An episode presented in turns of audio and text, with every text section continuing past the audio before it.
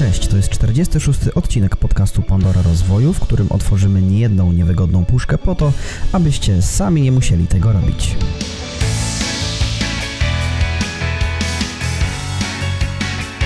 W dzisiejszym odcinku porozmawiamy o zdrowiu i chorobach, bo jedno idzie w parze z drugim. Czego najbardziej boją się Polacy? Czy każde L4 jest uzasadnione oraz dlaczego Mata ma czelność reklamować fast foody?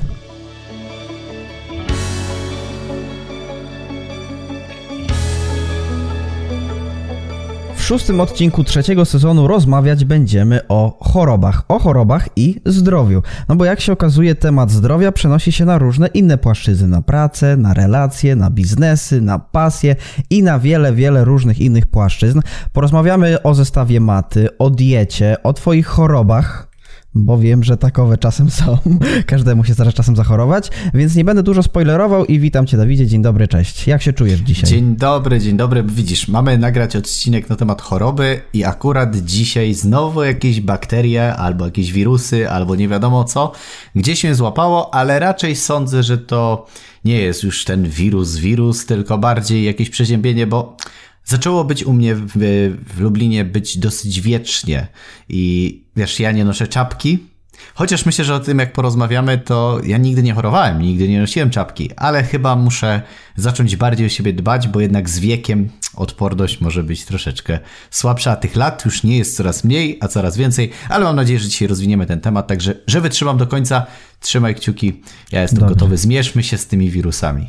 Dobrze, taka smutna proza życia, że te lata lecą i jesteś coraz starszy. No ja niestety też, w związku z tym zaczynamy 46. odcinek Pandory Rozwoju. No i na samym starcie, jak to w trzecim sezonie, e, bywa tak, że ja będę troszkę pouczał. I znalazłem dwie statystyki. Pierwsza z nich mówi o tym, e, że firma doradcza Conperio, ktokolwiek to jest, e, zajmuje się problematyką absencji chorobowej. To ciekawa nisza w ogóle. Wskazuje w swoim raporcie, że aż 32% skontrolowanych w 2020 roku zwolnień chorobowych było wykorzystanych niezgodnie z przeznaczeniem. Czyli co trzeci pracownik biorący L4 wziął to L4, no i prawdopodobnie w tym czasie robił coś innego niż leżał w łóżku albo pił herbatkę z imbirem. Co więcej, druga statystyka, i potem skomentujesz to, badania Cebosu z września 2020 roku i zadano pytanie Polakom, czego najbardziej obawia się pan, pani, myśląc o najbliższych miesiącach. Okazuje się, że 20% odpowiedziało, że zachorowania choroby, 16% pandemii, 13% zachorowania na wirus, o którym wszyscy wiemy. Więc 49% Polaków wskazuje, że się boi zachorować, czyli co drugi Polak. Jak się odnosisz do tych pierwszych badań, do tych drugich badań i czy możesz to jakoś skomentować, bo mnie one zaciekawiły. Znaczy wiesz co, jeżeli chodzi o te pierwsze, czyli tą absencję, Musiałbym tutaj bardzo publicznie skłamać, gdybym powiedział, że za każdym razem, kiedy miałem L4, to rzeczywiście leżałem pod kocem z herbatką z impirem. E, no bo tak w rzeczywistości nie było i śmiem twierdzić, że przynajmniej raz w życiu każdy miał taką sytuację, kiedy twój urlop wypoczynkowy się skończył i potrzebowałeś jeszcze jednego czy dwóch dni, aby coś tam załatwić pilnego, no i wtedy biegunka czy innego rodzaju dolegliwości mogły się każdemu w życiu przydarzyć i niekoniecznie wymagały leżenia pod kocem. No bo oczywiście zazwyczaj jak już brałem L4, to wiadomo, leżałem pod kocem. No bo No nigdy nie wiadomo. wiadomo, czy nas nie słuchają tutaj y, z Zakładu Ubezpieczeń Społecznych i nagle nie dostanę jakiejś analizy moich kartoteki chorobowej sprzed 30 lat, y, czy coś w tym stylu. Natomiast, y, tak jak powiedziałem, no nie dziwię się, natomiast myślę, że to też nie jest tak, że każdy, kto idzie na L4, to od razu, wiesz, wymusza, bo są oczywiście sytuacje, w których rzeczywiście ludzie mm, powinni być na L4, co z drugiej strony też wiem, że niektórzy powinni dostawać L4, a na przykład są im cofane z różnych powodów, bo na przykład idą na komisję lekarską i tam nagle widzą, że człowiek jest zdrowy, chociaż nie wiem, ma dwie lewe ręce, w cudzysłowie oczywiście, ale tam jakoś widzą to wszystko inaczej, kiedy już Zakład Ubezpieczeń Społecznych musi wypłacać jakieś większe, e, że tak powiem, zasiłki czy coś w tym stylu. Więc zawsze kij ma dwa końce, więc wiem, że są osoby, które bardzo mocno też naciągają i też nie popieram, no bo umówmy się szczerze, że jesteś pracownikiem i masz pracodawcę i bierzesz raz tam na trzy lata jakieś tam, jak to się mówi, na jeden, dwa dni, to nic się złego nie dzieje. Ale siłą rzeczy, jak ktoś na przykład bierze po tygodniu, bo znam ludzi, którzy potrafili być i miesiąc na L4 i wcale nie byli chorzy, a dobrze kreowali tą swoją chorobę po to, żeby mieć trochę więcej wolnego, no to to już jest pewnego rodzaju oszustwo. I to trzeba nazwać rzeczy po imieniu, bo to nie tylko działa źle na firmę, ale i na zespół, i na wszystkie inne osoby, więc jeżeli macie zamiar wziąć level 4, to nie popieram. E, natomiast na twoje drugie pytanie, czy ludzie boją się chorób, jakoś mi to nie dziwi, ale nie bierze się to z tego, że nasz świat jest taki zawirusowany, a bardziej ludzie po prostu, w moim odczuciu, nie do końca dbają o swoje zdrowie tak, jak powinni. Sam zresztą wspomniałem na początku tego odcinka, że mam świadomość, że na przykład teraz moje delikatne przeziębienie, które być może słychać, być może nie słychać, nie wiem, okaże się po montażu, jak tam już te twoje czarodziejskie dłonie zmienią mój głos na bardziej radiowy. Natomiast wiem, że to nie wynika z tego, że nagle tych wirusów jest dzisiaj dużo, chociaż wiem, że jest okres jesienny, gdzie te zachorowania są wzmożone. Natomiast moje dbanie troszeczkę o, wiesz, o ubranie się cieplej i tak dalej, nie jest dostosowane do tego, że częściej wychodzę też na takie krótsze spacery. Czyli, wiesz, mając psa na przykład, muszę wyjść z tym psem kilkukrotnie. To nie są długie spacery, więc mówię, dobra, wychodzę tylko na 10 minut, więc zarzucę kurtkę na koszulkę, tak? Ale wiatr jest, temperatura jest. Ja tu byłem nagrzany, pracowałem, w związku z czym e, siłą rzeczy też mój tryb życia zmienił się w stosunku do poprzedniej jesieni, do poprzednich mhm. lat. Więc też y, o tym zapomniałem, ale już zaczynam sobie to, że tak powiem, w głowie na nowo układać i myślę, że e, trzeba bardziej zadbać o zdrowie. Więc boję się dlatego nie, że jest więcej wirusów, chociaż może ich być jesienią więcej, ale dlatego, że nie do końca dbają o swoje zdrowie, bo być może nie wiedzą albo nie chcą. Albo udają, że jest y, tak jak jest, że jest dobrze i że myślą, że będą zdrowi całe życie. No właśnie, i zanim y, ruszymy z kopyta, jak kulik z piosenki Skaldów, no to może Zadam Ci proste pytanie. Gdybyś miał w skali od 1 do 10 ocenić, jak ważne jest dla Ciebie zdrowie, to co byś powiedział? 12. Dobrze, dobrze, dobrze. I to, to musimy wiedzieć, tak? No ja wiem, że na przykład tak. niektórzy, jak y, tacy przedsiębiorcy, którzy są zafiksowani tylko na pracy, no to dla nich jest zupełnie nieważny ten aspekt, ale ty gdzieś tak, tak holistycznie jest jedna, jest jedna rzecz, która, która mnie do tego przekonała, która mi bardzo mocno uzmysłowiła, dlaczego dzisiaj to zdrowie jest mega istotne. Pomimo tego, że stosunkowo jestem młodym, dla niektórych może już starym człowiekiem, no to wiesz, zależnie z której strony patrzysz, po której tak. stronie trzydziestki jesteś, czy przed, czy po.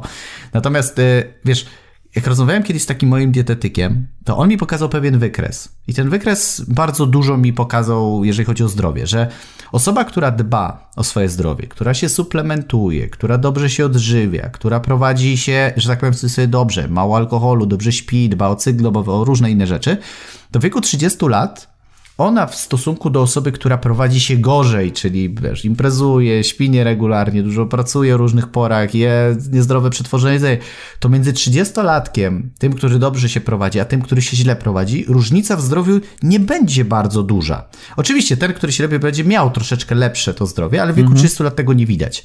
Tak. Ale po 30 roku życia dzieje się taka magiczna rzecz, że te, ten wskaźnik zaczyna się bardzo diametralnie rozjeżdżać. Czyli jak mamy jeszcze młode ciało, to młode ciało w wieku 20 20, 25, 30 lat, potrafi sobie, że tak powiem, z tym wszystkim poradzić. W sensie mhm. szybko w miarę radzi sobie z tymi przetworzonymi rzeczami, szybciej metabolizuje, wiesz, i tak dalej, i tak dalej, więc ta różnica w tym trybie życia, ona jeszcze nie jest zauważalna i dlatego często młodzi ludzie, ej, jestem zdrowy, przecież mi nic nie jest i co, piję, palę, imprezuję, dzisiaj mi nic nie jest. Ale właśnie po wieku 30 lat ta różnica zaczyna się bardzo diametralnie rozjeżdżać. Ci, co dbają, są dużo bardziej witalni, mają więcej energii, radości z życia, a ci, którzy nagle zaczynają się pojawiać szereg różnych chorób, dolegliwości i tak dalej. Więc to mnie przekonało, że nie sztuką jest nagle obudzić się w wieku 45 czy 50 lat, o, może bym zadbał o swoje zdrowie, chociaż nigdy nie jest za późno, żeby o nie zadbać, bo zawsze to może być dla nas korzyść. Natomiast jeżeli już zaczniemy dbać w wieku 30 lat, to ta dysproporcja będzie na naszą korzyść, a nie na naszą niekorzyść. I to mnie mhm. bardzo mocno przekonało, dlaczego uważam, że zdrowie dzisiaj jest na dwunastkę. Ja y, nie chciałbym tu oczywiście mówić, że jestem jakimś ideałem, jeżeli chodzi o prowadzenie się życiowo, bo popełniam masę błędów, mam ich świadomość, mój tryb pracy, czy czasami lenistwo, no w różnych kierunkach mnie że tak powiem, ciągną lepiej lub gorzej. Natomiast uważam, że jednak biorąc pod uwagę to, jak ja podchodzę do, jednak do jedzenia, kiedy jem, co jem e, i, i jednak te zmiany, które zadziały się u mnie na przestrzeni ostatnich trzech lat, są bardzo dobrze, że tak powiem, zrobione, z korzyścią dla mojego zdrowia, energii, sposobu myślenia, bo to jest dla mnie taki klucz. Bo ja zauważyłem różnicę pomiędzy myśleniem i pomiędzy działaniem, jak y, się odżywiamy. Im gorzej się odżywiałem, im gorzej się prowadziłem, miałem mniej energii, mniej pomysłów, mniej e, chciało mi się robić różne rzeczy w życiu, byłem leniwy, bardziej zdenerwowany, więcej kortyzolu, więcej stresu, tego wszystkiego. A w momencie, kiedy zacząłem dbać o zdrowie, zacząłem się lepiej wysypiać, stałem się bardziej spokojniejszy, stonowany, mój mózg zaczął inaczej pracować. No i co jakiś czas staram się cały czas coś ulepszać, bo to, co chcę podkreślić, jeżeli chodzi już o zdrowie, ostatnie zdanie, że nie sztuką jest wprowadzić od razu wszystko naraz, nie? Że nagle siłownia, nagle coś tam, nagle i wszystko nagle w życiu chcesz zmienić, bo to będzie zbyt trudne, jednak zmienić wszystkie nawyki naraz. Więc trzeba sukcesywnie e, dokładać niektóre rzeczy. Jeżeli już sobie poradziłem z jedzeniem i nie jesz przetworzonych rzeczy, jesz małą ilość cukrów na przykład tak dalej, to potem zacznij dodawać kolejny. Pij więcej wody, na przykład pozbądź się alkoholu, zacznij ćwiczyć, różne rzeczy i to z czasem będzie przychodziło, że to wszystko będzie tak ładnie się ze sobą łączyło. Nie wszystko naraz, bo jak to mówię, nie od razu Rzym zbudowano, ale zdrowie, tak jak powiedziałem na początku, jest dla mnie najważniejsze. No właśnie, no i podczas tej wypowiedzi słuchałem uważnie. Wspomniałeś o kilku filarach tego zdrowia, między innymi o diecie, aktywności fizycznej, formie mentalnej, śnie i tak dalej. O diecie już rozmawialiśmy trochę twojej, bo byłeś na keto, czy jesteś dalej? Bo tutaj już są nie jestem. wersje. W sensie O, to, to nie jest takie keto, keto y, stricte, tylko taki low carb. Nisko Czyli w sensie ja z, y, obserwuję swoje ciało, czy też nie chcę być na takim bardzo restrykcyjnym keto zbyt długo. Y, Wolę czasami wyjść na przykład na low carb, w sensie, że zjem trochę więcej węgli, ale dalej jest to poniżej, to dużo poniżej takiej średniej, którą je przeciętny Kowalski. Natomiast pozwalam sobie troszkę więcej, dalej unikając cukrów. Dobrze, dobrze. To, to chciałem poruszyć, ale o diecie też nie chcę za dużo mówić w tym odcinku, bo o tym mówiliśmy też Tak w jest. innych, ale okej. E, Ale jakaś zmiana była ostatnio, bo na Instagramie widziałem, zacząłeś wrzucać relacje z jakiejś siłowni i o tym jeszcze nie mieliśmy okazji porozmawiać i proszę powiedz mi, jak to jest pójść na siłownię po 40 latach niechodzenia na siłownię? tak jakbyś wziął samochód, który stał w garażu przez 20 lat i chcesz, żeby jechał 150 na godzinę, a O tam nie ma kurczę. ani oleju, ani paliwa. No, wszystko skrzypi, chcesz, ale się nie da. Choćbyś Mhm. najbardziej w świecie chciał e, jakieś osiągi zrealizować, to się nie da. No naprawdę, akurat poszedłem do takiej osoby, która jest trenerem olimpijki naszej, między innymi, e, więc ta osoba wie, jak sprawdzić ciało. No i okazało się, że w wielu różnych miejscach, w plecach, na udach, e, gdzieś w pasie, brzuch, wiele mam przykurczy, w takim sensie, że pełny na przykład zakres ruchu, jak masz nogę, no to powinna być gdzieś tu, a ja mam tak połowie na przykład. Więc te mięśnie, one się zastajają. I na początku to, co jest ważne w przypadku siłowni, to co też e, ja sobie uzmysłowiłem podczas tych paru treningów, na których byłem, że bardzo często ludzie na przykład po takiej przerwie od razu chcą iść na siłowni i robić mięśnie. A to jest bardzo duży błąd. Dlaczego? Dlatego, że jeżeli mięsień jest przykurczony, a my go jeszcze zaczniemy pompować, to on się jeszcze mocniej wzmocni na tym przykurczu. Czyli on będzie stawał się grubszy, mocniejszy, ale on się nie będzie rozciągał i dalej będziemy przykurczeni i jeszcze bardziej zbici. Więc pierwszym krokiem jest przede wszystkim najpierw rozbić to ciało, żeby ten mięsień się naciągnął, czyli żebyśmy mieli pełen zakres ruchu, żeby pozbyć się tego wszystkiego i dopiero potem zacząć ten mięsień na nowo rozwijać, żeby on stał się silniejszy, większy i tak dalej. I to jest bardzo częsty błąd, bo gdybym poszedł sam na siłownię, to zacząłbym pewnie od podnoszenia dużej ilości ciężarów, a nie od rozbijania mięśni, żeby one się porozciągały. I rzeczywiście zauważyłem po paru już treningach, że jestem w stanie, na przykład schylając się i sznurując buty, czułem większy zakres mojego ruchu. Po paru że nie masz treningach. zadyszki już. Nie, ale zadyszki też nie, to, to o czym zaraz wspomnę, bo byłem na przykład w Bieszczadach i wchodzimy na Bukowe Berdo i w zeszłym roku, znaczy w tym roku, w czerwcu, kiedy byłem, no to wchodziłem i tam na końcu już e, łapałem się, gdzie tam jest e, respirator na samej górze, a w tym roku wbiegłem ostatnie 200 w ogóle takie metrów, czy tam 100 metrów normalnie sprintem i na górze czułem się bardzo dobrze, czułem zmęczenie, ale nie takie, jakie było e, w czerwcu, więc e, ta zmiana, bo to też trzeba podkreślić, na przykład odstawiłem alkohol, trzeci miesiąc w ogóle nie piję nawet kropli alkoholu, więc i alkohol, i ta siłownia sprawiła, że rzeczywiście moja wydolność i energetyka się znacznie znacznie poprawiła. E, i to jest duży plus, natomiast ostatnio pojawił się, mam nadzieję, że też wspomnimy, wirus e, covidowy, tak śmiem twierdzić.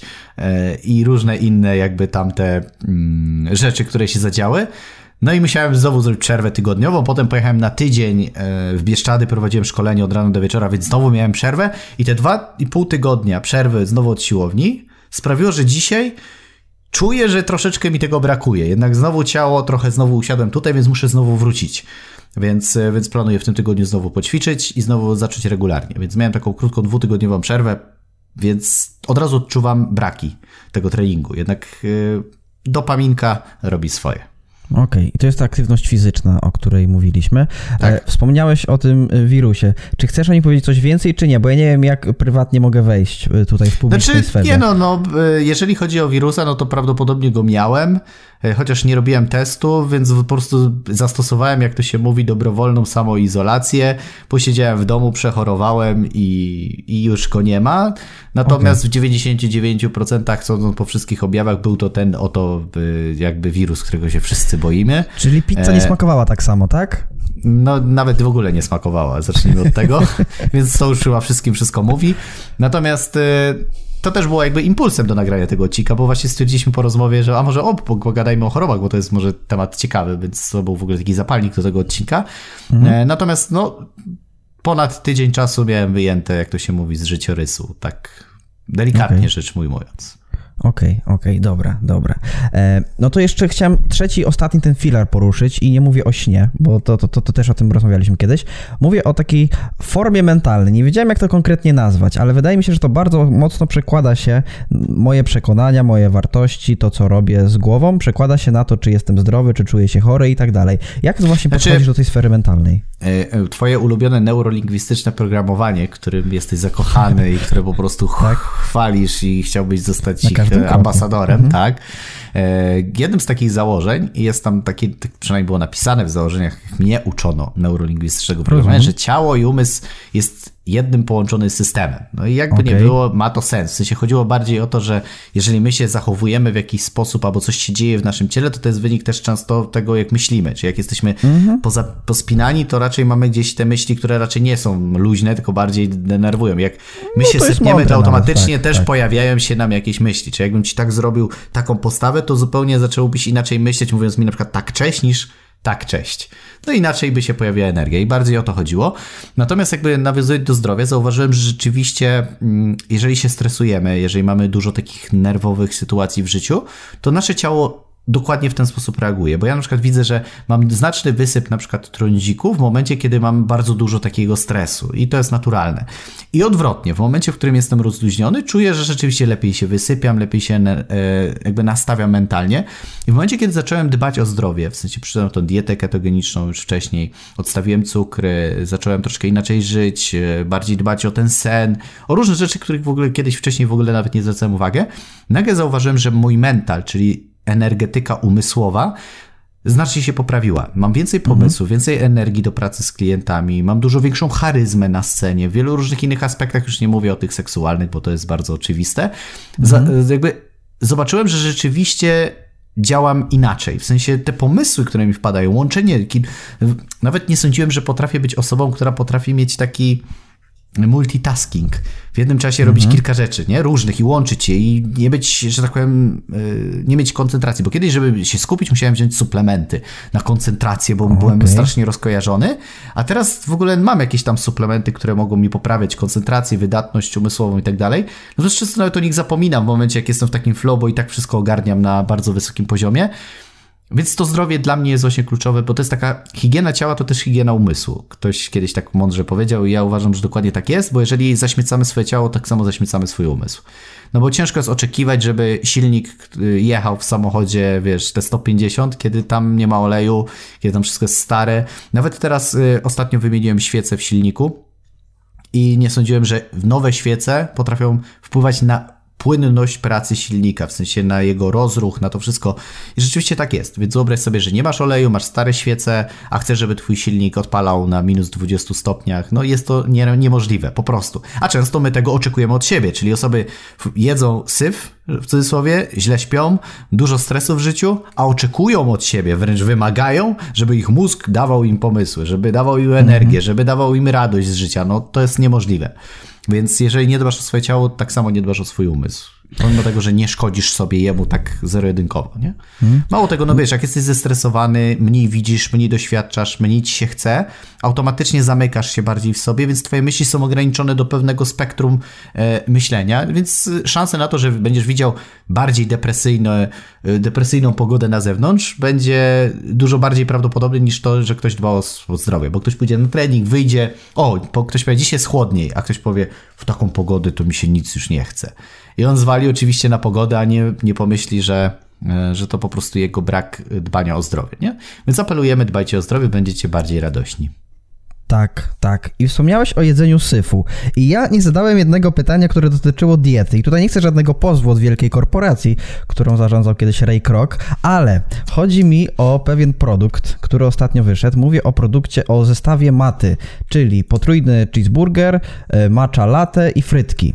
Y, no i może nie będziemy dyskutować tutaj o całej tej sferze marketingowej, ale chciałbym, żebyś powiedział, co sądzisz o tym, że młody raper, bardzo popularny młody raper, który ma dużą siłę opiniotwórczą, w sensie jest autorytetem dla wielu osób, tak sądzę i tak mi się wydaje.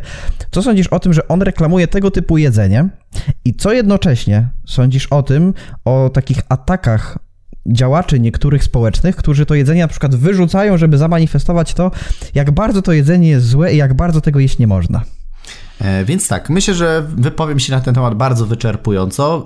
E, zacznę od tego, że etyka to jest pojęcie względne. Wiesz, każdy ma swój kręgosłup moralny i uważam, że e, ciężko jest komuś mówić, czy coś jest etyczne, czy nie, bo wszystko zależy od punktu siedzenia, od patrzenia i w ogóle od sytuacji życiowej. Niemniej mhm. jednak chciałbym powiedzieć, że kiedyś miałem propozycję, na przykład ja osobiście, wystąpienia na konferencji yy, dla firm, które zajmują się wyrobami tytoniowymi. Dostałem dosyć mhm. lukratywną stawkę za speech, bo to była konferencja, zjazd wielu firm, które właśnie się tą, tą branżą zajmują. I odmówiłem nie chciałem wystąpić e, na tym wydarzeniu, ponieważ tytoń i w sensie nie, jakby papierosy i to wszystko jest strasznie ze mną niespójne. W sensie czułbym mhm. się bardzo źle, że moim nazwiskiem w jakimś tam stopniu, no bo na pewno by to nie poszło gdzieś nie wiadomo gdzie, ale czułbym się z tym źle, że miałbym przygotować power speech i zmotywować jeszcze załogę do lepszej sprzedaży wyrobów tytoniowych, kiedy sam jestem przeciwnikiem papierosów i wszelkiej maści tego typu produktów i odmówiłem, chociaż mogłem na tym wystąpieniu dosyć fajnie zarobić, bo tam, jak wiadomo, wódka czy inne tego typu e, no tak, tak, firmy tak. raczej pieniądze i budżety mają. Natomiast odmówiłem, ale z drugiej strony poczułem się z tym dobrze, że rzeczywiście mam jakieś swoje takie granice moralności, wiadomo, że każdy ma swoje. Natomiast y, wracając do maty, y, Byłbym też kłamcą, gdybym powiedział, że nigdy nie stołuję się w tej jakże zacnej i cudownej restauracji, jaką jest sieć McDonald's, bo lubię sobie zjeść grilled ja cheese tego takiego dobrego burgerka. Pomimo mhm. tego, że wiem, ile tam jest soli i innych rzeczy, albo jak za dużo soli się w tym znajduje i, i, różnych innych rzeczy.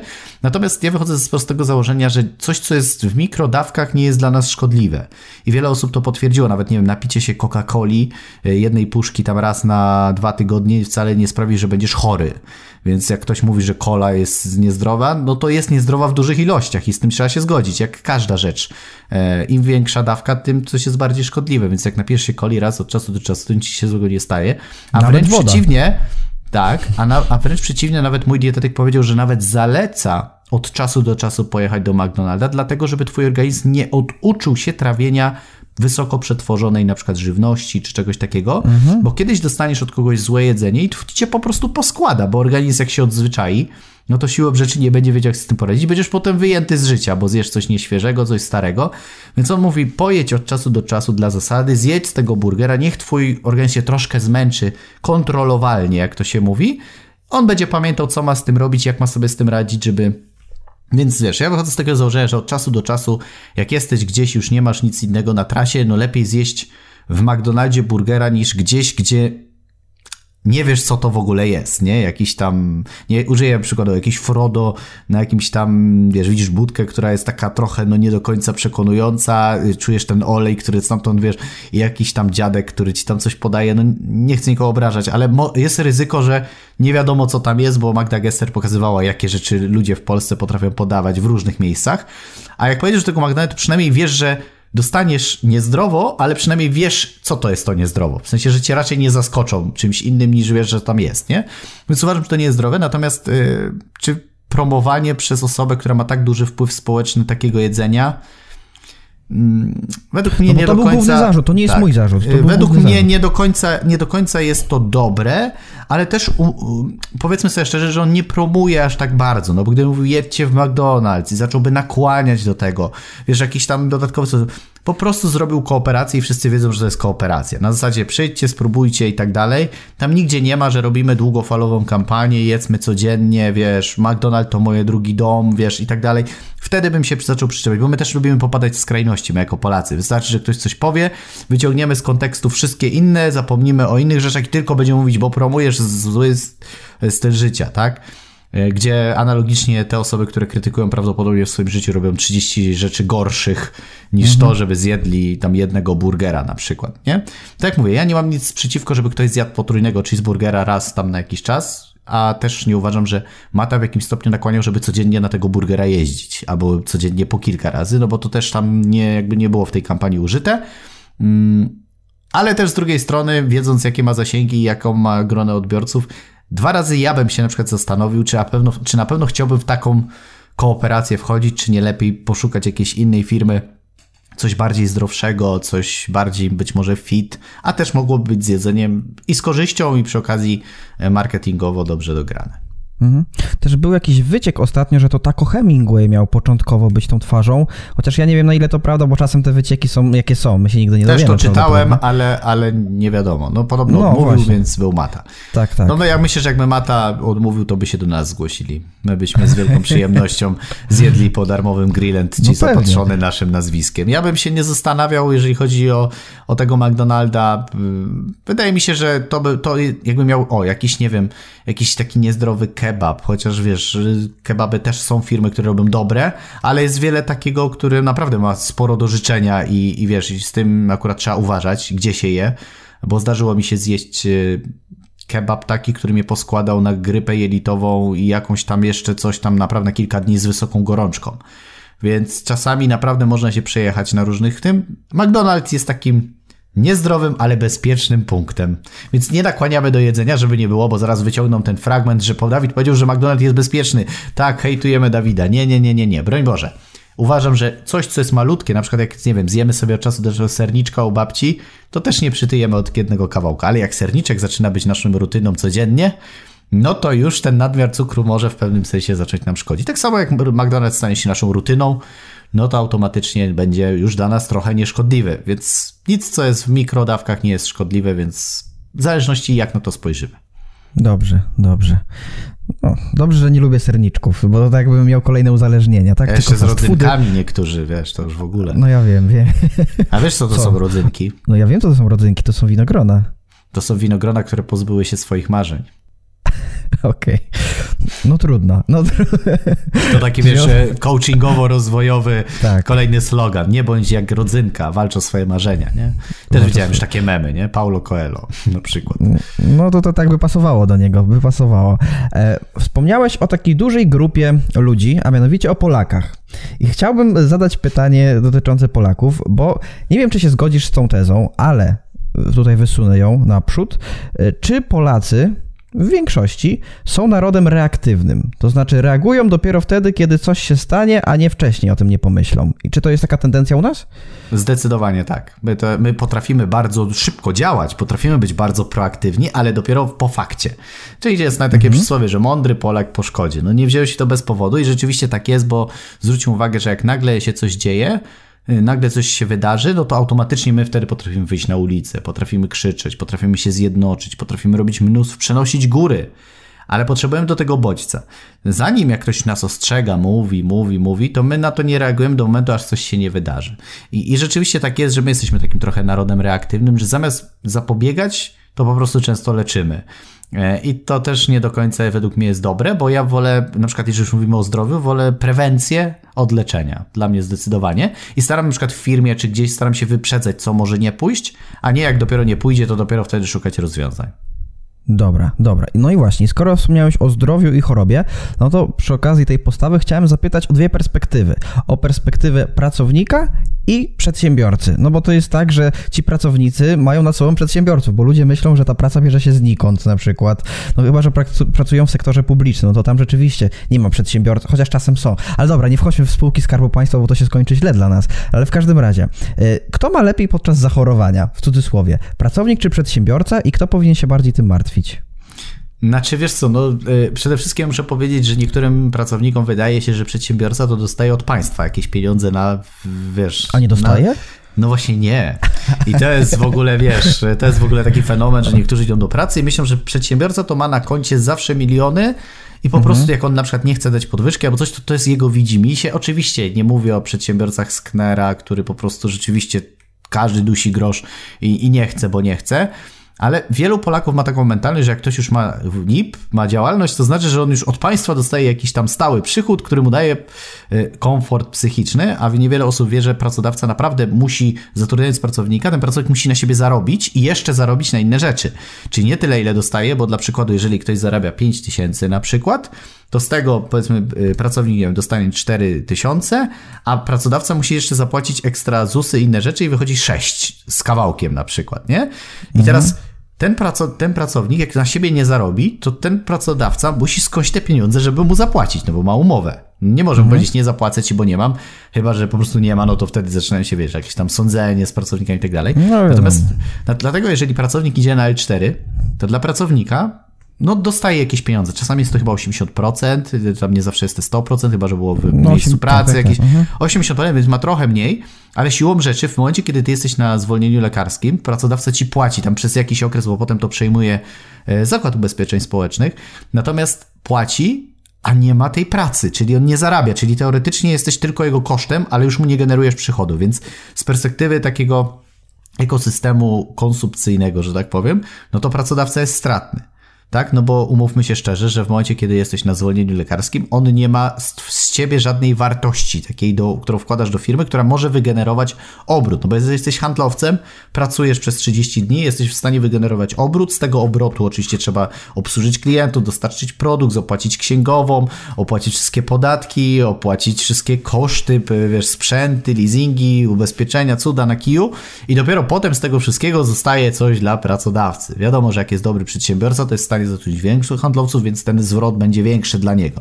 Natomiast siłą rzeczy w momencie, kiedy pięciu pójdzie na L4, to tak jakbyś w swoim silniku, i użyję kolejnej metafory, masz na przykład, nie wiem, kilka cylindrów, powiedzmy cztery przestają działać. No i siłą rzeczy, no nie pojedziesz na jednym cylindrze jakoś wybitnie. Albo na przykład przestaje ci działać jakaś tam jedna świeca, albo wypadanie zapłonu, czy coś.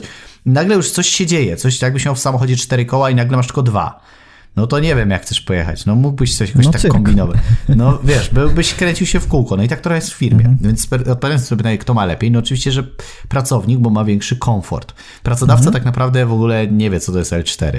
Bo jak ty wiesz L4, to nie możesz działać w firmie, więc nie chcesz iść na L4, bo wolisz robić i, i nie ma czegoś takiego jak zwolnienie lekarskie u przedsiębiorcy.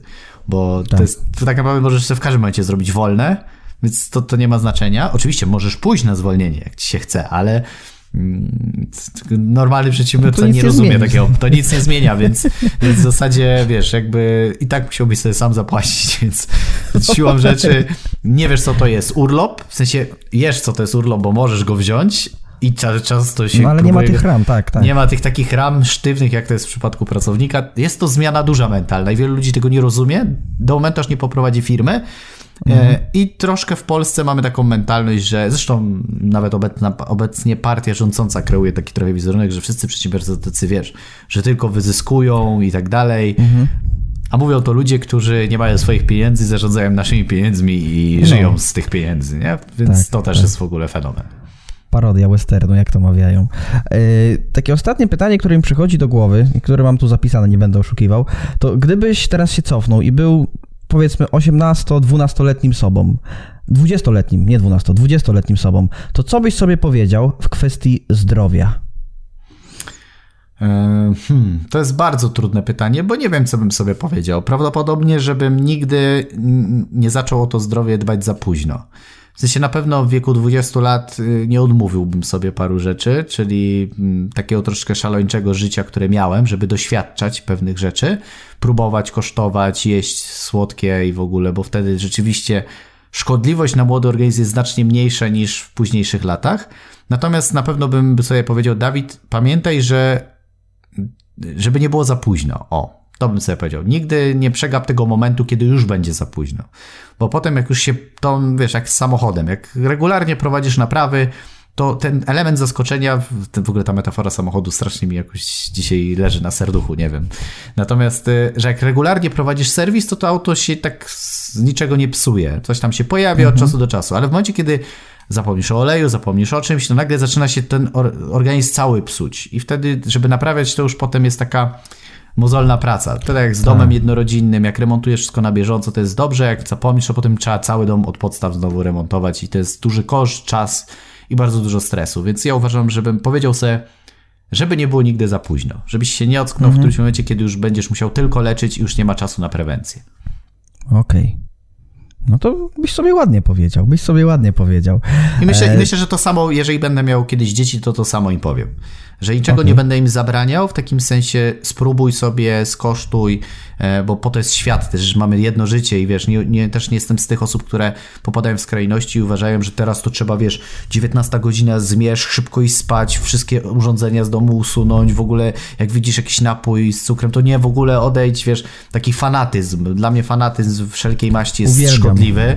Ja po prostu nienawidzę takich ludzi, wiesz, którzy po prostu próbują być bardziej idealni niż, wiesz, wyszlifowany diament, e, bo, no. bo, dla mnie życie jest jedno w takiej materii, wiesz, że wszystko jest dla ludzi w odpowiednich dawkach, nie? Więc to samo powiem swoim dzieciom, spróbuj, skosztuj, czy to dotyczy, wiesz, e, różnych substancji, nie będę tutaj jakby wskazywał różnych. O. E, nie, nie ciągnij tematu, bo, bo nie, nie powiem. Natomiast mm, na pewno będę uczulał, uważać, żeby nigdy nie było za późno, bo cienka granica jest, wiesz, bardzo cienka pomiędzy, wiesz, tym, że już jest za dużo. Także to bym sobie powiedział i to samo pewnie powiem swoim dzieciom. Żebyś uważał, żebyś nie przegapił tego momentu, kiedy już warto o tym myśleć. Myślę, że taki wiek 25 lat to jest już taki bardzo dobry czas, żeby już naprawdę zacząć systematycznie o to dbać. Nie? Oczywiście nie zapominając, że w młodszym wieku, mhm. E, żeby też nie prowadzić się totalnie źle, nie? W sensie, wiesz, pozwalać sobie na wszystko w maksymalnych ilościach. Natomiast ten margines jednak akceptacji wydaje mi się, że jest troszeczkę większy, kiedy jesteś młodzi, gdzie ten organizm naprawdę jeszcze dobrze sobie radzi ze wszystkimi rzeczami. Ale potem, żeby już rzeczywiście troszeczkę to, na co sobie pozwala, pozwalaliśmy, będąc młodszymi, żeby już zmniejszać kosztem tego, jak dobrze można dbać o zdrowie. Więc wydaje mi się, że dla ciebie to jest. Adrianie, powiem tobie i zapamiętaj sobie ten dzień jak dzisiaj, 8 listopad. Chciałbym, żebyś pamiętał, żebyś nigdy nie zapomniał, żeby nie było za późno. Dobrze, dobrze. Będę pamiętał, żeby nie było za późno, no bo to idealnie dla mnie. Wiek wstrzeliłeś idealnie. 25, jakby to powiedzieli nasi wschodni sąsiedzi. Tak e, jest. Czy masz, e, proszę ja ciebie, czekaj, wyleciało mi słowo, czy, czy masz maila? O, e, tak, to chciałem powiedzieć. Oczywiście, bo to jest że moment, mam maila teraz... i myślę, tak. że nawet bardzo fajny mail jest dzisiaj, bo będziemy tak? mówić, uwaga, zaskoczę cię, uwaga, uwaga, o książkach. O książkach, no to rzeczywiście. Tak. W sensie modne. tytuł to jest zarabianie na książkach. W sensie, okay. może ja przeczytam, e, bo Dobrze. tu Michał do nas napisał. E, w ostatnim odcinku rozmawialiście o zarabianiu na pasji. Tak się składa, że od kilku dobrych lat pracuję na etacie, ale po godzinach swój wolny czas poświęcam na pisanie książek, czyli autor. Powieści. Tak dokładnie, doprecyzując. Póki co wszystkie lądują w szufladzie, bo nie bardzo wiem, jak podnieść do tematu, jak podejść do wydania książki, czyli do tego, jak zacząć. Wspomnieliście, że Dawid wydał książkę. Tak się zgadza, że wydałem. Więc e, może podzielisz się, Dawid, swoimi spostrzeżeniami i poradami dotyczącymi właśnie tego tematu, czyli jak pisać, znaczy jak spiąć to wszystko w kupę, bo książka napisana, ale nie wiem co dalej. E, docelowo chciałbym skupić się wyłącznie na pisaniu i odejść od pracy, ale wiem, że do tego jeszcze długa droga. Pozdrawiam, Michał. Możecie nagrać cały odcinek dotyczący książek i wydawania, promocji, pisania, negocjacji, itd. W ogóle ciekawy pomysł na odcinek. Myślę, że moglibyśmy trochę o książkach powiedzieć. Natomiast odpowiadając, y, generalnie są dwie drogi. Bardzo ładne lokowanie produktu. Tak, przesłuchanie mówcy, bardzo ładnie. Widzę te karteczki pozaznaczane, super.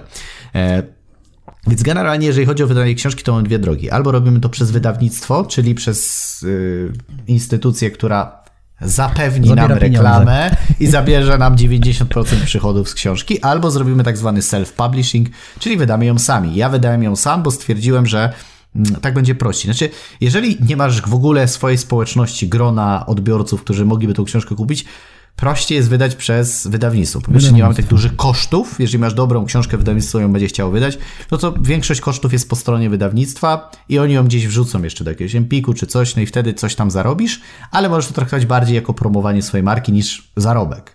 Niestety taka jest kolej rzeczy. Natomiast jeżeli już poświęciłeś czas i od tego zawsze zachęcam, żeby najpierw zbudować markę, potem wydawać książkę, a nie budować książkę, żeby zbudować markę, bo to tak nie działa. Taka kolejność niektórzy tak uczą, ale według mnie to jest głupie. Najpierw zbuduj markę, a potem wydaj książkę dla swojej społeczności na bazie tego, co tam oni ci pokażą. Mm, bo tak wtedy też i zarobisz, i jeszcze wzmocnisz markę i dotrzesz do większej liczby osób. Więc y, jeżeli nie masz y, marki, no to kontakt z wydawnictwem. Natomiast jeżeli masz markę, to self-publishing. I to jest bardzo proste. Po prostu wszystko musisz ogarnąć samemu. Napisać, wrzucić do korekty, znaleźć osobę, która zrobi skład i okładkę, czyli ładnie to jakoś tam poskłada, żeby to było ładnie zrobione i okładkę zrobi. Na stronie nadać sobie numer ISBN, zajmuje to całe 5 minut założenie konta plus y, wpisanie swojego numeru NIP. Y, potem jak już nadadzą Ci numery, dostajesz zawsze tam pulę chyba 10 numerów ISBN. Jeżeli masz numer, to wtedy masz mniejszy VAT bo jak nie ma książka ISBN-u, to płacisz normalnie 23, a jak w momencie, jak masz ISBN, to jest 8% VAT-u, więc lepiej zrobić e, ISBN, skoro to tak krótko zajmuje. E, mhm. Masz 10 numerów i potem wprowadzasz tylko, ile ma książka stron, jaka jest okładka, kto jest wydawnictwo, ile było sztuk w pierwszym nakładzie i tak dalej, i tak dalej to wpisujesz i to już jest tam w sieci po prostu twój, jak książka jest numerowana, jest, że tak powiem, ogólnym zbiorze książek. No i potem tak naprawdę robisz stronę i puszczasz do swoich fanów i to jest cała filozofia. No i wydrukować jeszcze, opłacić drukarni, która ci to po prostu wydrukuje, zrobi i tak dalej, nie? Wiadomo, że wszystkie elementy, jak ładną stronę, jak ładną grafikę zrobisz na okładce, jak dobry druk zrobisz, czy będzie to gruba, piękna, złocąca się, wszystko będzie zwiększało koszty. Więc teraz siłą rzeczy... Yy, jeżeli nie masz budżetu, możesz to zrobić budżetowo, po prostu tak jak robi się większość książek. Jeżeli masz jakieś turbodzieło, powieść, która wiesz, że może być super, no to wtedy możesz więcej zainwestować. Jeżeli masz pieniądze i masz społeczność, lepiej robić tak, jak powiedziałem wcześniej, self-publishing, czyli samemu wszystko sobie po kolei ogarnąć. Myślę, że tutaj możemy polecić Michała Szafrańskiego, e, który mhm. wydał książkę Finansowy Ninja, który jest świetnym w ogóle gościem, który opisał cały proces wydawania książki, więc można e, w ogóle wpisać sobie w Google, jak zarobiłem chyba milion czy dwa w ogóle na książce, bo on tam chyba w tyle, albo nawet już teraz więcej, ale tyle mniej więcej opisał w momencie, kiedy pisał tego bloga swojego wydawaniu i tam dokładnie krok po kroku opisał, ile co kosztuje i tak dalej, więc polecam sobie zerknąć, e, bo ja też się inspirowałem poniekąd krokami, co trzeba zrobić między innymi z tego bloga. A jeszcze ja doprecyzuję pytanie Michała, tak? Tak. E, e, bo chciałem dopytać. Siadasz do komputera, myślisz, mam pomysł na książkę i zaczynasz pisać książkę, tak? Ile tak. tobie to zajęło? Znaczy wiesz co, ja miałem o tyle prosty temat, bo ja pytania po prostu dostałem od ludzi, bo wpadło tak, mhm. tak, że to ludzie mi przygotują pytania, na które ja odpowiem, więc ja miałem całą jakby agendę książki. Czyli oni stworzyli kontent cały, spis treści za ciebie, spis tak? Spis treści, a ja po prostu przelałem na papier całą swoją wiedzę i, i tyle, okay. więc mnie to zajęło tak naprawdę 4 tygodnie spisanie. Bo siadłem, bo akurat była wtedy Dobra. pandemia, więc jak tylko siedziałem, pisałem.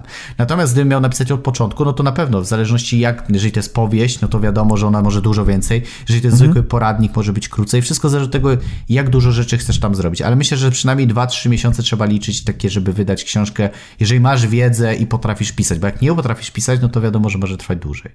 No właśnie, chciałem jeszcze dopytać nie o sam proces twórczy, ale wydawniczy. Jak to u Ciebie no. wyglądało w tym systemie self-publishingu? Ile to trwało?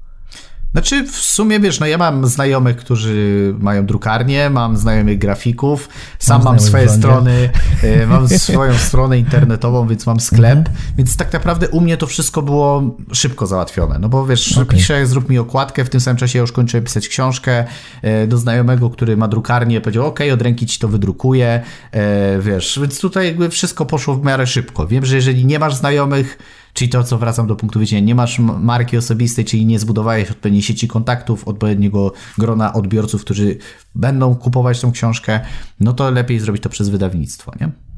Więc no to mówię, to jest okres dwóch, trzech, czterech miesięcy, mhm. tak, więc, więc mhm. myślę, że każdy może to zrobić, nie jest to jakieś bardzo trudne, ale mówię, lepiej zacząć od budowania marki, bo potem też poznasz odpowiednich ludzi i potem jest to w stanie szybko, fajnie ogarnąć.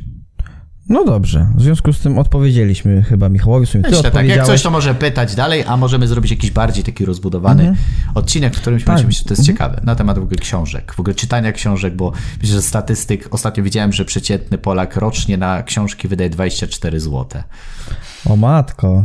Tu jestem w, w czołówce. tak, to jest, to jest jakaś tam średnia, że rocznie tyle wydajemy na produkty Aha. książkowe e, wszelkiej maści. Nie wiem, czy to wliczyli te kulinarne, bo, bo tam, czy jakieś harlekiny, ale wszystkie chyba są w to wliczane. E, no więc tak powiedziałbym, że nie za dużo pieniędzy wydajemy, biorąc pod uwagę, że zestaw maty kosztuje 17 złotych no. to jednak y, no jest to chyba. Wydaje mi się, że na produkty wysoko przetworzone wydajemy znacznie więcej. Jest to uwłaczające dla autorów. Ale myślę, że to był ciekawy odcinek. Jest to pewna inspiracja. Dobrze. No dobrze, więc mamy kolejną inspirację. E, no i co, jeśli chcecie, aby wasz mail pojawił się, albo twój mail raczej pojawił się w Pandorze Rozwoju, no to możesz śmiało napisać maila na adres Pandora Rozwoju małpa a my ten mail prawdopodobnie w kolejnych odcinkach przeczytamy, przeczytamy. A w sumie Dawid to zrobi, bo Dawid czyta w tym sezonie te maile.